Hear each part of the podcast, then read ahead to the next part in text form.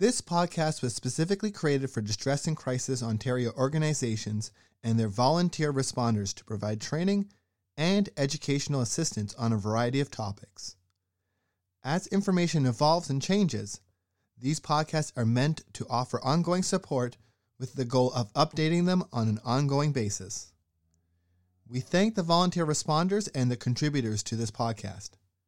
Please visit our website, dcontario.org, for more information and how to access free mental health services. Thank you.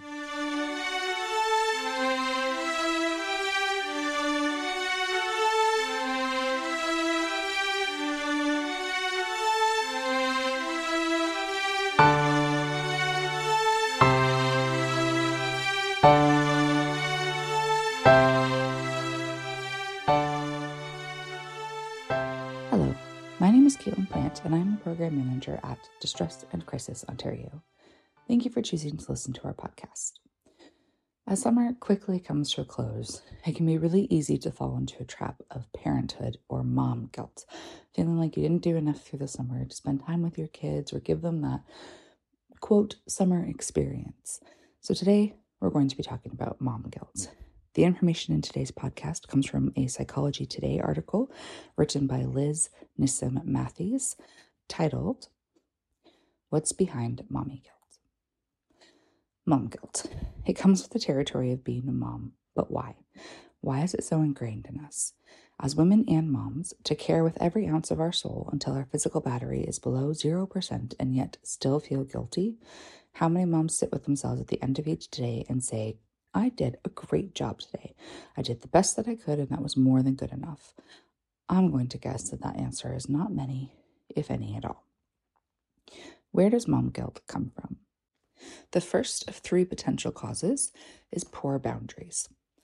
Dictionary.com defines a boundary as a limiting or bounding line. Boundaries apply to the imaginary lines between countries, for example, and they are also the imaginary lines we set in our relationships with others. At a young age and in our home of origin, we learn what our boundaries are and what, where we need to stop. We learn by seeing how boundaries play out in the relationship between our parents or our parents and their parents, with our parents and their siblings, and our parents and their friends. During adolescence, our children, quote, push the boundaries to see where we set that imaginary line for them, and they know the limits of their space and freedom. It creates a sense of safety and belief that they are cared for by their authority figure. It also creates a sense of balance in their world so that it doesn't feel endless and boundless, which can be scary if there aren't endpoints in the world. Think about your boundaries. Where do you set that imaginary line for yourself in your relationships, physically and emotionally? When do you say no or no thank you? Do you have a clear idea of that limit? If not, it's time to set it.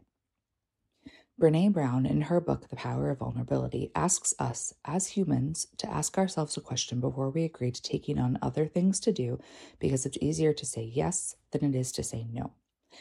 We are so inclined to say yes when asked to do something and have often said yes only to become angry and resentful later.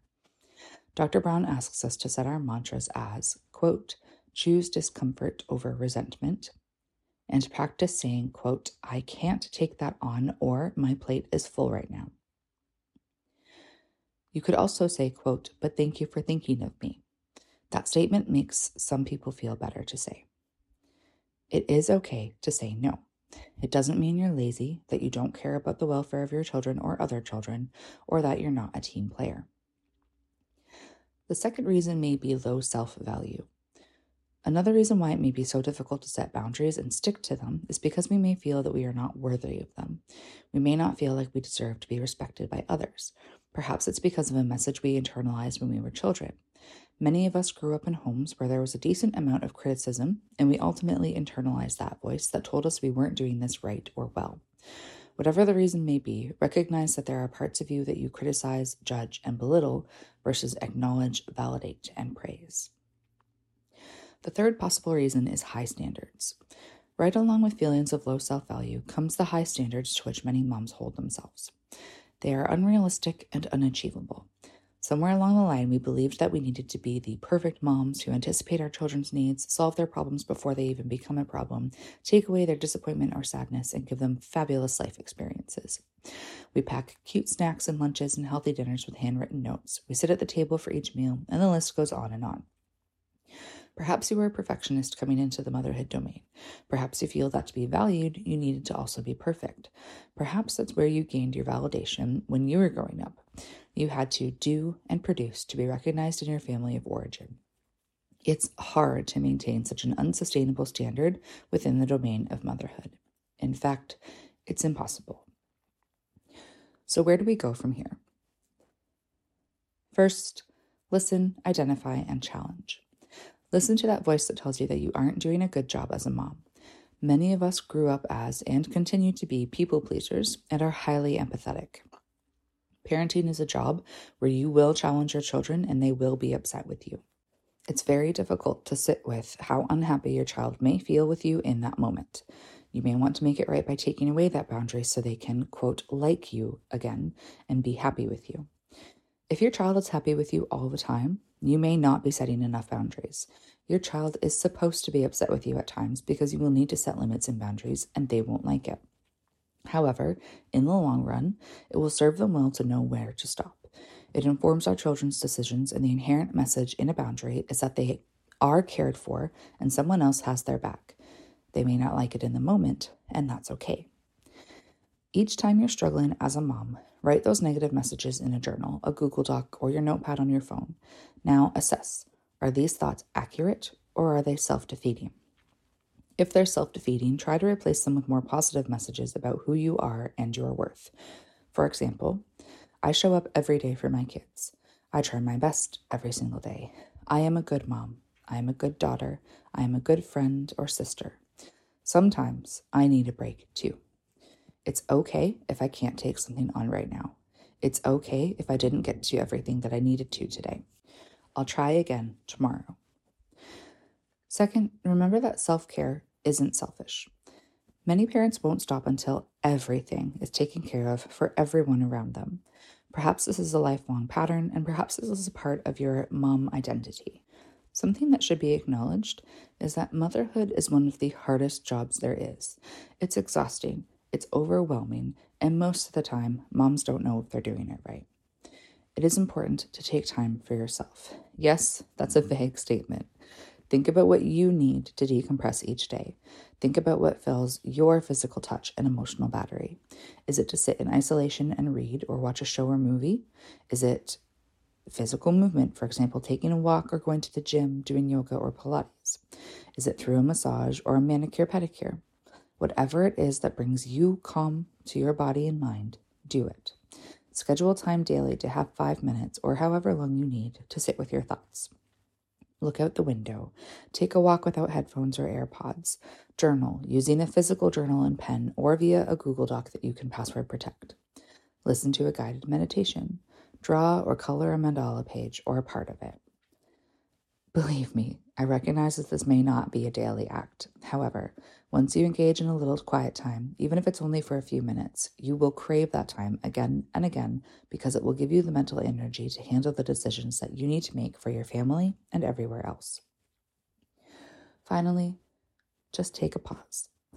As moms, we are used to handling a lot of details and quickly to help you build in those moments where you can make solid decisions rather than default to the desire to please or to get an answer out as quickly as possible. Pause when you are being asked something by your children, your significant other, your co parent, your coworker, your supervisor, or anybody else. Build in that pause so that you can avoid saying yes without thinking through what you can actually handle or if you are comfortable with that proposal or request. For example, being asked the question, Mom, can I go to the park with my friends? Your natural instinct may be to say yes. Pause and think about how your child will get there and get back, and if you or your significant other have time to be able to drive back and forth. It will also give you the chance to think about asking other questions, such as who else will be there? If you are managing other information or tasks and can't make a decision in the moment, begin to add, let me think about it and get back to you into your repertoire of responses rather than giving a reflexive yes. Mom guilt and parent guilt in general is real. We all want to be the best parent to our child and to raise happy, well adjusted little people.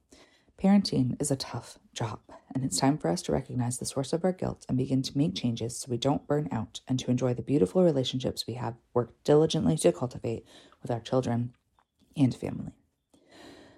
Thank you for listening to our podcast. I hope this episode has helped you feel a little bit less alone in any mom guilt you may be facing and has helped you learn some ways that you may be able to manage it better. As always, our member centers in ONTX are here to support you. You can find your nearest member center, many of whom do operate 24 7, by visiting our locations page at www.dcontario.org forward slash locations. And ONTX can be accessed from any page of our website using the Looking for Support sidebar. You can also contact ONTX by texting the word support to 258 258. If you have any feedback at all about our podcast, whether that be this week's episode, a past episode, if you would like to request, request future content, please do use the link in our show notes to fill out our feedback form. We would love to hear from you. Thank you again for listening, and I hope you have a great week.